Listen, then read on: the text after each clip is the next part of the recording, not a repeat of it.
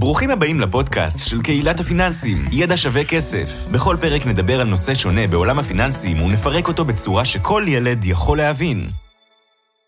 אהלן חברים, ברוכים הבאים לפרק נוסף בפודקאסט של ידע שווה כסף. Uh, היום זה פרק שהוא uh, כיף כי אני פה עם שי. Uh, אז אני בר נעמני למי שאולי בטעות לא שמע ולא הכיר. שי פדיחי, תשמיע קול. אהלן חברים, מה העניינים? תמיד באוטונציה, ככה אנשים מזהים אותי. אז כן, כן. אז אנחנו, מה שנקרא, לא עושים המון פרקים שהם ביחד שנינו, ואני אישית אוהב פרקים ש... שלי ושלך, שי.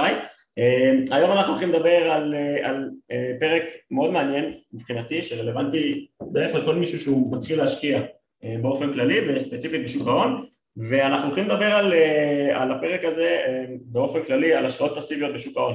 השקעות פסיביות, על השקעות בקרנות, בצורה של קרן מחכה מדד.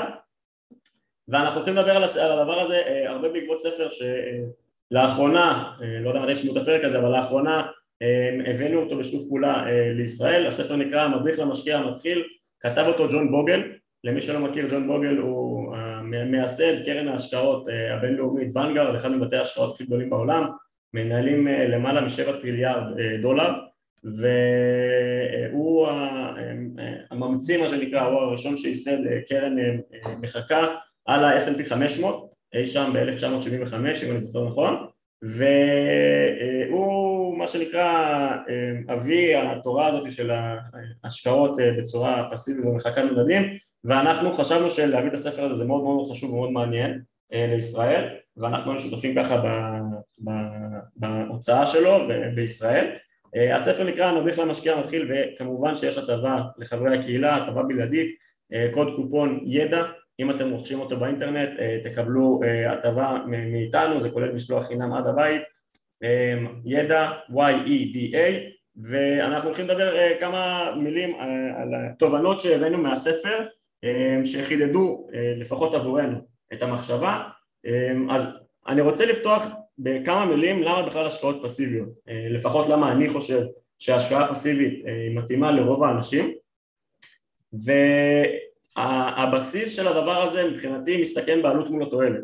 כלומר העלות שלנו בלהשקיע פסיבית במדדים יש כמה דרכים לעשות את זה ודיברנו על זה גם בפרקים קודמים איך משקיעים בין אם זה מסחר עצמאי או בכל מיני מכשירים אני לא נכנס לזה היום אבל אני אומר העלות שלנו בתור משקיעים של כמה עולה לנו להשקיע בצורה של מדדים היא יחסית נמוכה. כלומר אנחנו לא צריכים אסטרטגיה מיוחדת ואנחנו לא צריכים לנתח את המניות ואנחנו לא צריכים הבנה ובמהירות מאוד מאוד גבוהה מתי להיכנס ומתי לצאת או איזה חברה מרוויחה יותר ואיזה חברה מרוויחה פחות ומי המתחרות שלה ומה המגמות בשוק. אנחנו מה שנקרא קוף טיפש במרכאות שגר ושכח. אחרי שאנחנו מבינים כמובן אני לא אומר לעשות בלי להבין אחרי שאנחנו מבינים את הסיכונים ויש פה סיכונים יש גם פה יש סיכונים אבל אנחנו יודעים שבטווח הארוך הסטטיסטיקה איתנו, לפחות מה שאנחנו יודעים שהשוק נותן לנו למעלה ממאה שנה אחורה ובשורה התחתונה אני חושב שהעלות מול התועלת היא מאוד מאוד גבוהה. כלומר העלות יחסית נמוכה והתועלת היא מאוד מאוד גבוהה. השוק יודע לתת ממוצע תשואה מאוד מאוד יפה שעם הכוח של הריבית דריבית ודברים נוספים שאנחנו נדבר עליהם היום בפרק בעיניי מאוד מאוד מאוד משמעותיים ומאוד מאוד טובים ובשורה התחתונה העלות מול התועלת היא גבוהה וגם אם אתם רוצים מה שנקרא לנסות להכות את השוק והכל למרות שמי שקרא את הספר או מי שיקרא את הספר יבין שזה מאוד מאוד קשה להכות את השוק במיוחד אם אתה משקיע מוסדי כלומר אם אתה נותן למישהו אחר שמנהל מיליארדים אתה נותן לו את הכסף שלך כדי שינסה להכות את השוק הסטטיסטיקה אומרת שכמעט אף פעם זה לא עובד ואנחנו ממש נביא מספרים אם אתה משקיע קטן יש לך כמה יתרונות ואני לא אגיד שזה לא אפשרי בכלל אני פשוט חושב שזה דורש מיומנות מאוד מאוד גבוהה והמון המון זמן מאיתנו שבזמן הזה כל אחד יכול לעשות מה שהוא רוצה. יכול לייצר יותר כסף, יכול להיות עם המשפחה שלו, יכול לעשות מה שהוא רוצה. לכן אני אומר זה השקפת עולם שלי, ככה אני רואה את הדברים. אני יודע ששי פחות או יותר איתי באותה זווית ושנינו אומרים את זה בתור סוחרים לשעבר שהשקיעו יותר זמן במסחר. ואני אומר גם אם אתם רוצים איכשהו להשקיע ולנסות להכות את המדד והכל ולייצר תשואה קצת יותר גבוהה שימו לב שרוב הכסף שלכם בתור חשיבה, כן? זה לא המלצה ולא ייעוץ כמובן אולי הגיוני שרוב הכסף שלכם כן יהיה בהשקעה שהיא מחקת מדד, לא אגיד איזה מדדים או משהו כזה ורק חלק קטן ממנו יהיה לנסות להכות את השוק. זו הזווית שלי, ו- ומכאן אנחנו באים לדבר על, ה- על, ה- על, ה- על העולם הזה של השקעות פסיביות, בין אם התחלתם להשקיע בשוק ההון, בין אם אתם חושבים להשקיע בשוק ההון, בעיניי זה משהו שחשוב שתכירו, ואנחנו ניתן ממש כמה תובנות ש- וכמה אפילו ציטוטים ומחקרים מתוך הספר שבעינינו היו מאוד מאוד מגניבים, כלומר גם אנשים שכמונו שחיים את השוק זה חידד לנו כמה נקודות והביא לנו כמה סימונים שבעיניי רק בשביל זה היה שווה לקרוא את הספר. אז שי, בוא, בוא, בוא נתחיל לדבר על זה אז מעולה, ג'ון בוגל למעשה הופך את כל העולם של שוק ההון למשחק. כמו שאנחנו אומרים בפודקאסט שלנו בשפה שכל ילד יכול להבין. אז אם נסתכל על שוק ההון כמשחק אז ג'ון בוגל אומר תשחקו במשחק שקל לנצח בו ותימנעו ממשחק שקל להפסיד בו. בואו ננסה שנייה לפרק את מה שאמרתי.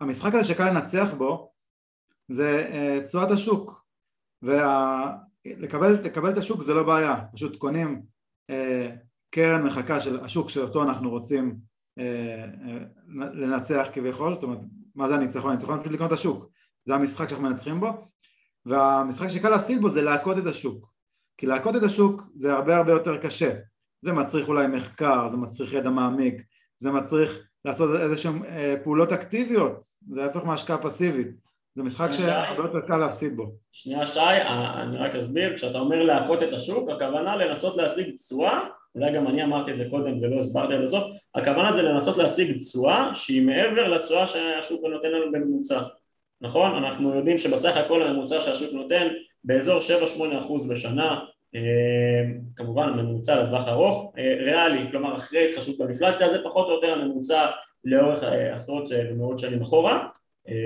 השוק אגב בדרך כלל אנחנו מדברים על S&P 500 ובדיוק כמו שאתה אומר לנסות להכות את השוק זה סוג של משחק סכום אפס נכון? בסופו של דבר אם מישהו, אם השוק יודע לתת בממוצע נניח סתם 8 אחוזים אז זה אומר שאם אני עשיתי 10 אחוזים מישהו אחר עשה כנראה 6 אחוזים זה משחק סכום אפס, אם, אם אני עשיתי קצת יותר אז מישהו אחר עשה קצת פחות ו, ולכן כמו שאתה אומר העניין הזה של לשחק במשחק שקל לנצח בו בסוף כמו שאתה אומר כולנו מתכנסים לממוצע. זאת אומרת יש כאלה שיעשו מעל תשואת השוק יש כאלה שיעשו מתחת לתשואת השוק ויש כאלה שיקבלו את תשואת השוק. בסוף כולנו נתכנס לממוצע שזה התשואה של השוק ולכן אנחנו אומרים בואו פשוט נקנה את השוק. עוד, עוד, עוד דבר שג'ון בוגל מדבר עליו הרבה בהתחלה זה הוא מדבר על כל מיני מחקרים שמראים את היחס תחלופה, אוקיי? יחס תחלופה של ניירות ערך, מה הכוונה? כלומר כמה אה, ידיים מחליפות בין נייר לאחר מה זה אומר מחליף, להחליף ידיים?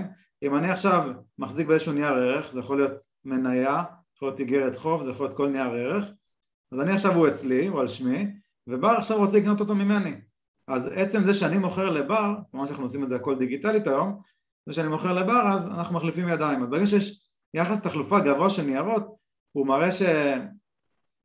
שהיה יחס תחלופה של בערך 21 אחוזים אז, אז ריאלית כל מי שהיה ביחס תחלופה הזה הם עשו פחות משמעותית בגלל העמלות הגבוהות.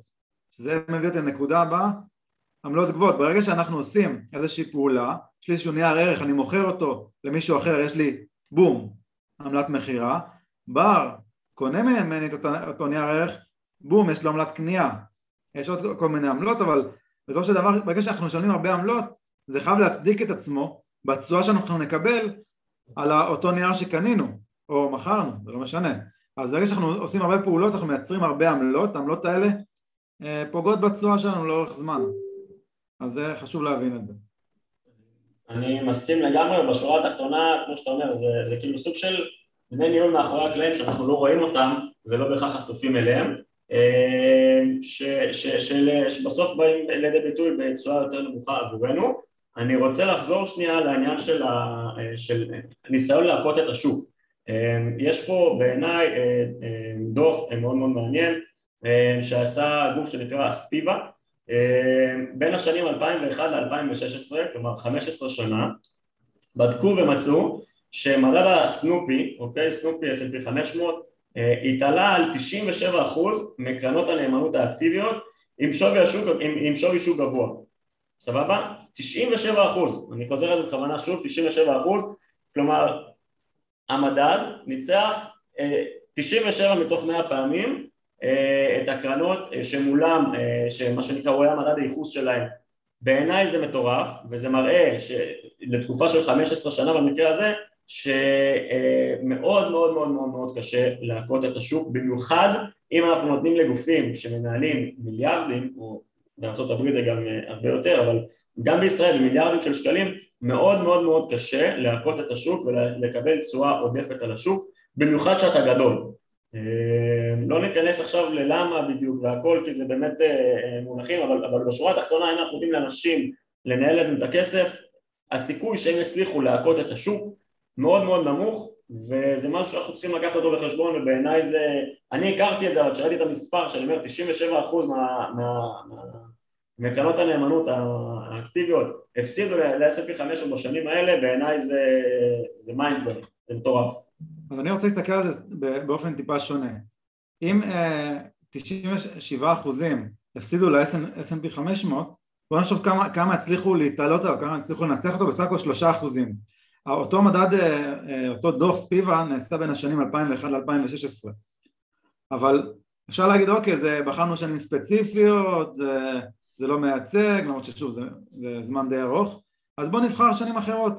גם בין 1983 עשו מחקר של 15 שנה עד 1998 ואפשר לראות שרק 4% מהקרנות הצליחו להכות את השוק ריאלית. מה הכוונה ריאלית? כלומר לאחר ניקוי המס וגם אלה שהצליחו להכות את המדד, זאת אומרת לקבל תשואה מעל, מעל תשואת השוק, אה, עשו את זה ברווחים מאוד מאוד קלושים של בסך הכל 0.6 אחוזים, שזה כלום. בשנה. אז, כן, אז, אז, אז זה, זה לא משהו שהוא מאוד מאוד מאוד משמעותי, זה אפילו, אה, אם נסתכל על אה, קופות גמל בישראל, זה בערך דמי ניהול שנתיים, יש, יש להם משמעות, אבל, אבל תחשבו שזה רק 4 אחוזים, עכשיו אנחנו מדברים על 4 אחוזים שהצליחו להכות את השוק לצורך העניין, שסביר להניח שבדרך כלל יש להם דמי ניהול גם ככה יותר גבוהים, אז יכול להיות שהם לא באמת יצליחו, וגם רק 4% הצליחו להכות השוק, ובשנים אחרות רק 3% הצליחו להכות השוק. זה, זה כן מתחיל להיות פה כבר מגמה, זה כבר לא פוקס, זה כבר לא, זה גם שנים שונות לגמרי, יש מרחק גם בין השנים. אז צריך להתייחס לזה בכבוד לנתונים האלה. שורה תחתונה, להכות את המדדים זה משהו שהוא לא טריוויאלי בכלל, אה, ובעיניי אה, זה משהו שאנחנו צריכים אה, להבין את זה. ובסוף לטווח הארוך זה, זה כמעט אף פעם לא עובד. זה כמעט אף פעם לא עובד. זה משהו שחשוב לי לדבר עליו. משהו נוסף שחשוב לי לדבר עליו זה דווקא עלויות ואתה נגעת בזה אולי בעלויות של דמי ניהול במכשיר כזה או אחר. אז, אז בואו גם נדבר על זה הרבה בספר ונותן דוגמאות ו... ותכלס מי שרוצה עם מספרים יכול אפילו להיכנס למחשבון ריבית דריבית שלנו אה, ובאתר פשוט לכתוב ריבית דריבית, מחשבון ריבית דריבית ידע שווה כסף אה, בגוגל תמצאו או שתיכנסו לאתר שלנו תכתבו מחשבון ריבית דריבית תמצאו את, המחשבון הזה וצחקו עם המספרים ותראו מה קורה לכסף אה, נניח סתם אתם שמים, הפקדתם 50 אלף שקלים, 100 אלף שקלים תפקידו עוד אלף שקל בחודש חיסכון נניח תראו מה קורה לטווח של 20 או 25 שנה או 30 שנה. אם אתם משחקים ומוסיפים עוד חצי אחוז או 0.6 או 0.2 אתם תראו שבסוף זה מצטבר לסכומים מאוד מאוד מאוד גבוהים. אה, כמובן תלוי בכמה, מה, מה הסכום שאתם אה, שמים אבל זה יכול להגיע לאלפים ועשרות אלפי שקלים. אה, וזה כסף מיותר. כלומר כסף שאנחנו שומעים דמי ניהול בעיניי אם אנחנו יכולים לחסוך אותו הוא מיותר. וזה אחד הדברים שבוגן מדבר עליו בספר להתמקד בקרנות מה שנקרא שעלויות שלהם מאוד מאוד זולות. אמ, זה מתייחס גם לעלויות התחלופה שזה עלויות מאחורי הקלעים ששי דיבר עליהם בהתחלה גם לדמי הניהול אמ, שהם מאוד מאוד חשובים ובסופו של דבר זה, זה, זה עוד איזשהו קריטריון שאנחנו אמ, בוחנים ומסתכלים על, על השקעה מה שנקרא מחקת מדדים משהו שאנחנו צריכים לשים אליו לב הנושא הבא שהוא מאוד מאוד חשוב וגם אה, אותו בוגל מזכיר זה נושא המיסוי אז, אז בוא, בוא נחשוב על זה אם אני קונה קרן מחקה כמעט ואין שינוי, שינוי של הפעילות כי אני קונה קרן מחקה ואני מחזיק אותה מחזיק ולא לא עושה יותר מדי פעולות אז בכלל אין לי אירוע מס מתי לי אירוע מס? בכלל מה זה אירוע מס? אירוע מס זה מה שאני משלם מס מתי אני אשלם מס? כשיש רווח מתי יש רווח? כשאני מוכר ברווח, אז כלומר שהרווחתי, אבל חייבת פעולת מכירה. פעולת מכירה גם מייצרת לי אירוע מס וגם מייצרת לי עמלת מכירה. אוקיי, אז גם אה, פעמיים, פעמיים נפגע במרכאות, גם אה, אירוע מס וגם עמלת מכירה, אז בעצם קרנות מחכות אין הרבה מכירות ומכאן יש דחיית מס, כי אנחנו מחזיקים, מחזיקים, מחזיקים, לא מוכרים ומשאירים את זה לאורך זמן, אז גם זה יתרון שאנחנו יוצרים לעצמנו מוצר עם דחיית מס מעצם זה שאנחנו פסיביים, אנחנו לא עושים הרבה פעולות, זה גם יתרון שהוא הרבה מדבר עליו. זה מזכיר, לי, זה, זה מזכיר לי מחקר שאני לא זוכר איפה קראתי, של גוף שנקרא פידליטי, ש, שמדבר על זה, הם עשו מחקר, סליחה שאני לא זוכר את השנים, אה, אבל הם עשו איזשהו מחקר ובדקו אה, מי חשבונות ההשקעה אה, הכי, שהכי מוצלחים, שעשו את התוצאות הכי גבוהות והמכנה שהם הגיעו אליו, שבסופו של דבר אלה שהצליחו הכי הרבה היו או כאלה ששכחו שיש להם חשבון השקעות או כאלה שהלכו לעולמם ואף אחד לא נגע בחשבון שלהם ובשורה התחתונה מי שלא נגע בחשבון ולא עשה שטויות במרכאות ולא ניסה כמו שאנחנו יכולים לנסות, לא ניסה לתזמן את השוק ולקנות שהוא נמוך ולמכור כשהוא גבוה אה, כי המשחקים האלה כמעט אף פעם לא עובדים, אז מי שלא נגע ונשאר לטווח ארוך אה, עשה הכי הרבה כסף, זה לפי אה, דוח של פידליטי, מוזמנים לחפש את זה באינטרנט, מניח שתגיעו לזה, זה, זה, זה, זה, זה פשוט, כל, כל הנתונים האלה בסוף מתקשרים אחד לשני ורק מחזקים לי, כל פעם שאני חושב על זה, מחזקים לי את, ה, את, ה, את כיוון המחשבה הזה של להשקיע בצורה פסיבית, לתת לזה מה שנקרא שגר ושכח לנסות לקבל את הממוצע ולא לנסות כל הזמן לתזמן את השוק אה, ולהכות אותו בין אם זה אה, בתזמון, מתי אני נכנס ומתי אני יוצא אה, ובין אם זה מניה כזאת או אחרת, אולי סקטור כזה או אחר. אז, אז טוב שדיברת על תזמון, כי הרבה פעמים אנחנו מדברים על תזמון בהקשר של לתזמן את השוק, לבחור את המניה הכי מצליחה או את הנייר הערך שיניב לי בעתיד את התשואה הכי גבוהה, אבל יש עוד תזמון, יש גם לתזמן את, את איזה קרן איזה מנהל השקעות יהיה הכי מצליח, גם זה סוג של תזמון. איך אני יכול לבחור במי מנהל השקעות שיצליח לבחור את המניות הכי טובות בעשור הקרוב או ב-20 שנה הקרובות. אז גם על זה בואו גם נדבר ש...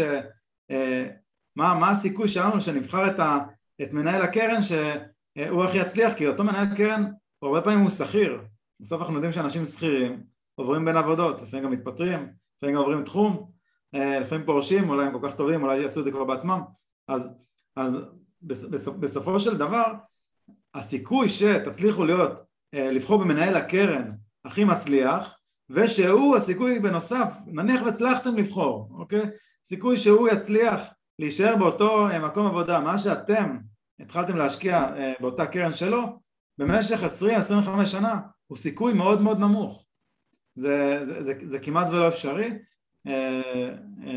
הוא מדבר על, שוב, על, על מנהלי קרנות בחו"ל, שם זה בארצות הברית, שהם היו בממוצע מגיעים לתשע שנים, אה, כמובן שבישראל זה יכול להיות שונה, צריך לבדוק את הנתונים, אבל, אבל בשורה התחתונה צריך להבין שגם אם תצליחו לפגוע בסוס המנצח, אז אתם צריכים, יש לכם עוד פעם, ש... עוד פעם לפגוע שהוא יישאר איתכם לאורך כל הדרך, וזה משהו שלא סביר שיקרה לאורך זמן. אני, אני, אני מסכים לגמרי. אגב, אתה אומר גופים אה, שמנהלים עבורנו את הכסף, אז אפשר לראות אה, בישראל, וזו מגמה עולמית, לא רק בישראל, אה, את העניין הזה שבסופו של דבר כל הגופים המוסדיים, כל הגופים האלה שמנהלים לנו את הכסף, בין אם זה בפנסיה או בקופות הגמל, קרנות השתלמות, גמל להשקעה, כולם פתחו מסלולים מחכי מדד. אני, אני חושב שבודדים הגופים שאין להם כרגע מסלולים מחכי מדד, אולי לכולם כבר יש, וזה, וזה הייתה, אני זוכר, היה גוף ספציפי שאני לא אסגיר את שמו, שהתחיל עם זה וכולם צצו ורצו ישר אחריו כי ראו כמה הדבר הזה מצליח, זה מגמה מאוד מאוד מאוד אה, חזקה, אה, במיוחד בשנים האחרונות, אה, כי אנשים מבינים שבסופו של דבר קשה מאוד להכות את השוק, במיוחד לגופים הגדולים, ואפילו הגופים הגדולים, מה שנקרא, הולכים למקומות האלה, אז מה שכן, שאם אנחנו בוחרים להשקיע דרכם, שימו לב את דמי הניהול, אנחנו בידע שווה כסף משתדלים לפעמים להביא כל מיני הטבות אה, אה, בשביל אה, מה שנקרא לתת הנחה לחברי הקהילה שלנו בדמי ניהול. תחפשו למטה מתחת לפודקאסט הזה, כמובן לא בזמן נהיגה, כשאתם מסיימים מגיעים הביתה חפשו את ההטבות שלנו, יש מתחת לפרק, אתם תמצאו אחד מהלינקים, מכינים את ההטבות, מדי פעם יש הטבות חדשות, תעקבו אחרינו גם בין אם זה בטלגרם, במיילים, בפייסבוק, לא משנה איפה, אבל בשורה התחתונה מה שאני בא להגיד זה, זה מגמה וטרנד מאוד מאוד גדול וכסף בכל העולם עובר מניהול אקטיבי לניהול פסיבי בצורה של מחקי מדד. ווורן באפט הגדול אגב בעצמו אמר כמעט אין ספור פעמים שמי שלא מה שנקרא משקיע בשוק ההון, מי שלא חי ונושם את זה כמוהו, אוקיי, וכמו אנליסטים אחרים שזה התפקיד שלהם, מי שלא עושה את זה, הסבירות הכי גבוהה, הכי הכי טובה ש, שיש לו להצליח זה פשוט לקנות מדד מחכה, מחכה מדד S&P 500, מה שנקרא שגר ושכח, וזה אגב, אם אני זוכר נכון, מה שהוא הולך לעשות עם הירושה שלו כלומר אם אני זוכר נכון קראתי איפשהו שהוא הולך להוריש את הכסף שלו וביקש ש-90% מהכסף יהיה צמוד ל-S&P 500 מתוך הבנה שכשהוא לא נמצא כנראה שלא יהיה מי שינהל את הכסף שלו בצורה טובה והוא לא סומך במרכאות על אף אחד הוא רוצה שזה יהיה צמוד למדד ה-S&P 500 אז אם וורן באפט הגדול והאגדי אומר דברים כאלה שווה מה שנקרא להקשיב. אני רוצה לחדד משהו שאמרת, זה לא קראת איפשהו, זה קראת בספר מדריך למשקיע המתחיל של ג'ון בוגל. אה, כן, זה היה שם, אז אתה רואה, אני... זה מופיע, מופיע גם בספר, זה מופיע גם בעוד מקומות, זה, זה משהו ידוע, אבל זה מופיע גם בספר. אם ככה מדברים על הספר, אני רוצה לצטט איזשהו קטע מהספר שאני מאוד מאוד אהבתי, אה, של אה, ג'ים אה, ויינדט, אוקיי, זה חלק מהספר של ג'ון בוגל, שהוא מייסד של ETF.com, אתר מאוד מוכר, ETF מי שלא יודע, זה, זה למעשה הקרנות, הקרנות מחכות אם אנחנו רוצים לקנות מדד אנחנו לא יכולים לקנות את המדד עצמו. כלומר את הסל אה, מניות שמכיל את כל ה-500 מניות של ה-S&P או 100 אה, מניות של הנסדק או איזה, איזה מדד שאנחנו רוצים לקנות אנחנו קונים איזושהי קרן שמחקה את התנהגות של אותו מדד. כלומר אם המדד עולה בשיעור מסוים בעשרה אחוזים אותה קרן שמחקה את ההתנהגות שלו אמורה לעלות בשיעור דומה ב-10.2, ב-9.8 ואולי ב-10 אם היא ממש מדויקת. אה, לרוב זה לא אחד לאחד אבל זה אמור להיות מאוד מאוד קרוב אה, אה, עד כדי. אז אותו ג'ים ויינדט מייסד ETF.com מה שהוא אמר, מה שמצוטט בספר שהוא אמר, אמר את המשפט הבא ונזכור שמה שהופך את ההשקעה מחקת מדד להשקעה מחקת מדד הם הדברים הבאים עמלות נמוכות, גיוון רחב ולהחזיק להחזיק להחזיק. אל תתעשו להתלהבות הרגעית בשווקים. אם תנסו להכות את השוק, לא משנה באיזו דרך, סביר להניח שאתם אלה שתחטפו מכה. מה העלויות של הניסיון לעשות זאת? זה משפט בעיניי מאוד מאוד יפה, הוא אומר בואו תחזיקו לכמה שיותר זמן את, ה, את השוק, אוקיי? בעמלות עלויות כמה שיותר נמוכות, בגיוון רחב, כלומר מדדים רחבים, אה, לא מדד שהוא מחזיק רק איזה מספר מניות מאוד מאוד מוגבל, אה, בין אם זה במידה גיאוגרפית או במידה סקטוריאלית, כלומר גם רפואה, גם הייטק, גם אה, בנקים וכולי ובסופו של דבר הוא אומר אם אתם תנסו להכות את השוק אז רק מזה שאתם, מה זה לנסות לנסות להכות את השוק, אתם תנסו לקנות ולמכור אז רק מהעלויות האלה אתם אלה שבסוף תחטפו אה, ואתם לא, לא תכו את השוק. אז זה משפט שהוא מאוד התחברתי אליו כי הרבה אנשים מנסים להכות את השוק אבל אם נחשוב על זה בהיגיון עוד מעט אני אולי אצטט עוד איזה משפט עכשיו זה בהיגיון אז אם כולם יצליחו להכות את השוק אז זה, זה לא הגיוני, כי אם כולם ינקו את השוק אז, אז, אז, אז הממוצע יגדל, כי אם יש מישהו מעל הממוצע, יש מישהו מתחת לממוצע, זה תמיד ככה. אה, בכל ממוצע של כל דבר, אז לא יכול להיות שכולם יצליחו להכות את השוק, אז הרוב לא יצליחו, זה, זה עובדתית, אחר, אחרת הגענו לסתירה, אה, כמו שאומרים במתמטיקה משל, מי, ש, מי שמבין, מבין, ומי שלא, שילך אה, לעשות תואר בהנדסה באוניברסיטה. אוקיי. משהו שככה לסכם, במקום לנסות למצוא את המחט ברמת השחרת, פשוט לקנות את הרמת השחת, לקנות את השוק או לא, לא לנסות אה, לחפש את המניה הזאת או אחרת.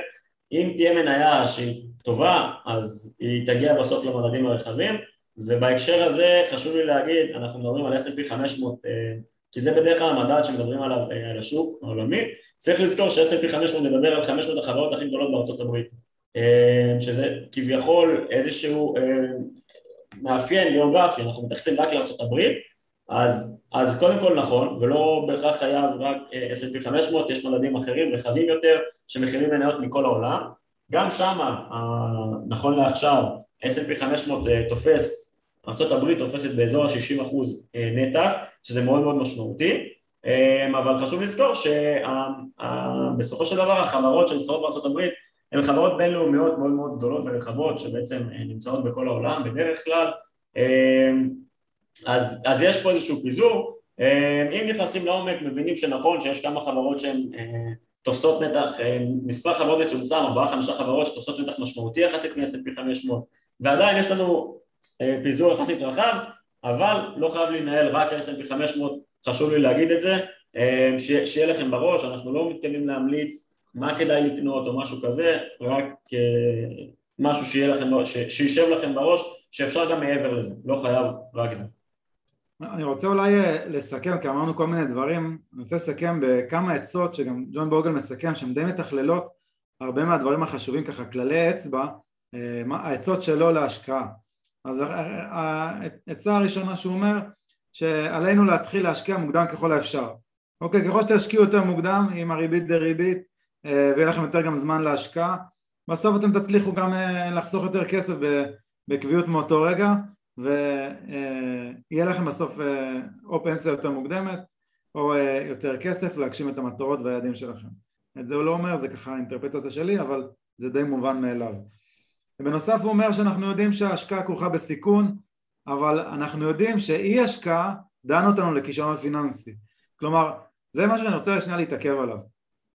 הרבה אנשים, אה, אה, יש לנו אפילו את הסדנה שלנו לפרוש מהעו"ש. הרבה אנשים אומרים שזה אה, שהכסף שלהם נמצא בעו"ש, בעובר ושב, בבנק הם לא, הם לא משקיעים אני טוען שמי שהכסף שלו נמצא בעו"ש הוא משקיע הוא במודע החליט שהוא משקיע בעו"ש, חרא של השקעה, סליחה שאני אומר, אבל זו, זו גם השקעה, אוקיי? אם אתם לא עשיתם פעולה אקטיבית והשארתם את הכסף בעו"ש, זה ההשקעה שלכם, אתם משקיעים בעו"ש, אוקיי? הכסף לא גדל, הוא, הוא, רק, הוא, רק, הוא רק צונח, כי הוא מפסיד לאינפלציה, אוקיי? לתופעה של התייקרות המחירים שכל הזמן אה, הולכת וגדלה עם השנים, אל תתפסו אותי על חודש ספציפי או שנה ספציפית, אבל באופן כללי זו המגמה, והוא אה, אה, מפסיד מזה, אז, אז בטוח שאתם מפסידים, אם אתם, לא, אם אתם לא עושים פעולה, אם אתם לא אקטיביים, אתם מפסידים. אבל שימו לב, אקטיביים במה? לא אקטיביים בהכרח בלקנות ולמכור, אלא אקטיביים בזה שאתם מחליטים החלטה שאתם משקיעים את הכסף. במה תלמדו, תחקרו, יש לכם פה מלא פודקאסטים, יש לכם ספר שלנו לקרוא, אבל בזה אתם צריכים להיות אקטיביים. אם החלטתם שאתם הולכים בשוק ההון, אתם יכולים להיות גם פסיביים. לא, לא לקנות ולמכור כל הזמן, זה חשוב להבדיל בין המינוחים. עוד דבר מאוד חשוב שג'ון בוגל אומר, אומר שהסיכון בבחירת ניירות ערך ספציפיים וגם הסיכון בבחירת מנהלי קרנות נאמנות וסגנות השקעה ניתן לביטוי באמצעות גיוון, אוקיי? כלומר אם אנחנו נעשה גיוון מספיק גדול, מה זה גיוון? נבחר אה, משהו שיש, שיש אותו יותר מאחד, יותר משתיים, יותר משלושה וארבעה אז הקרן המחקת המדד המסורתית זה מה שהיא מציעה, אפשר להשקיע בהמון המון דברים גם בסכומים יותר נמוכים ומדדים אה, אה, יותר רחבים. ואז הסיכון שלנו למעשה, כך הוא מציין, זה הסיכון של השוק. כלומר אם השוק הולך ומתקדם, כלומר לאורך זמן השוק עולה, זה נקודת המוצא שלנו, זה ההנחה שלנו, ואנחנו משקיעים בשוק, מקבלים את תשואת השוק, אז הסיכון שלנו זה השוק, זאת אומרת אם השוק אה, ילך ויצנח, אז בכל מקרה אנחנו פה בבעיה, כלומר אם השוק לא, לא יעלה לאורך זמן, אז יהיה לנו בעיה אחרת, יכול להיות שאנחנו נפוטר מהעבודה, יכול להיות שהעסקים לא יפרחו, זאת אומרת השוק בסוף מייצג, הוא מייצג את הכלכלה, הוא מייצג את העסקים, את הרווח שלהם, את הגדילה שלהם, אז זה הסיכון שלנו, הסיכון מהשוק, אנחנו משקיעים בשוק והגיוון אה, עוזר לנו להתגבר על הסיכון בניירות ערך ספציפיים. עוד דבר שהוא אומר ככה לסיכום זה שעלויות ההשקעה חשובות אבל אפילו באופן מכריע בטווח הארוך אנחנו יודעים שאנחנו צריכים למזער אותן. כמו שאמרנו אנחנו צריכים, אה, אה, אחד שאנחנו משקיעים בשוק מעולה אז אפשר להשקיע בכמה קרנות שונות שמחקות את אותו S&P 500 או אותו מדד אחר לא, אין רק קרן אחת. אז בוא נבחר את זאת עם, ה, עם, ה, עם העמלות, עם הדמי ניהול הכי נמוכים שאפשר כי בסוף זה, זה גורע לנו, זה פוגע לנו בתשואה. אה, וכמובן שמיסים אה, אסור לשכוח אותם וגם אותם אנחנו נרצה למזער אז יש כמה דרכים למזער אותם.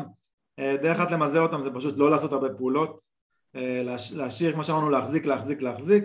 אנחנו יוצרים פה איזושהי תשתית לזה שאנחנו נמכור רק בסוף יהיה לנו דחיית מס. וכמובן שהוא מדבר הרבה, הרבה על זה שאי אפשר להכות את השוק או לתזמן אותו בהצלחה שוב ושוב מבלי שתיווצר סתירה, זה מה שאמרתי קודם, זה לא הגיוני שמה שעובד עבור המיעוט לא יכול לעבוד עבור הרוב, לא יכול להיות שכולם יכו את השוק, זה לא הגיוני, זה סתירה מתמטית, זה לא יכול לקרות, אוקיי? ולכן כל מי שמוכר לנו חלומות שהוא יכול ללמד אותנו שיטה שכולם יצליחו, אז השיטה הזאת לא הגיונית, פשוט לא הגיונית, זה לא יכול לקרות, אוקיי? יכול להיות שחלק יצליחו ויעשו תוצאות נפלאות והכל טוב, אבל זה לא יכול להיות שכולם יצליחו לעשות בשיטה הזאת. וכמובן שחשוב לדעת, אה, זה משהו שגם נשתמש בו הרבה, הרבה לפני הספר, אנחנו יש, יודעים שאנחנו לא יודעים הרבה דברים, אוקיי? אנחנו בחיים לא נהיה בטוחים איך העולם יהיה מחר, ואנחנו אה, אה, לא יודעים מה יהיה עוד עשור מהיום, אה, ומה שאנחנו יכולים לעשות, כי אנחנו לא יודעים את העתיד, זה לעשות איזושהי הקצאת נכסים, מה שנקרא באנגלית asset allocation, אה, בצורה נבונה, שתעזור לנו להתגבר על המהמורות הבלתי נמנעות שבדרך ואנחנו לא אמורים להרגיש אותם, איזה שהם במפרים כאלה, בדיוק כמו שאנחנו נוסעים ברכב לצורך העניין, והיה לנו איזה במפר, אנחנו קצת מייצים את הקצב ואולי קצת אה, הזיז אותנו קצת מהמורה, אבל בסוף אנחנו ממשיכים, אבל בסוף אנחנו נגיע ליעד, אנחנו ניסע בבטחה על פי החוקים ואנחנו נצליח להגיע ליעד. זה ככה הסיכום אה, של רוב הדברים שג'ון בוגל רוצה לתת לנו מהתורה שלו, שהוכיחה את עצמה כבר הרבה מאוד שנים.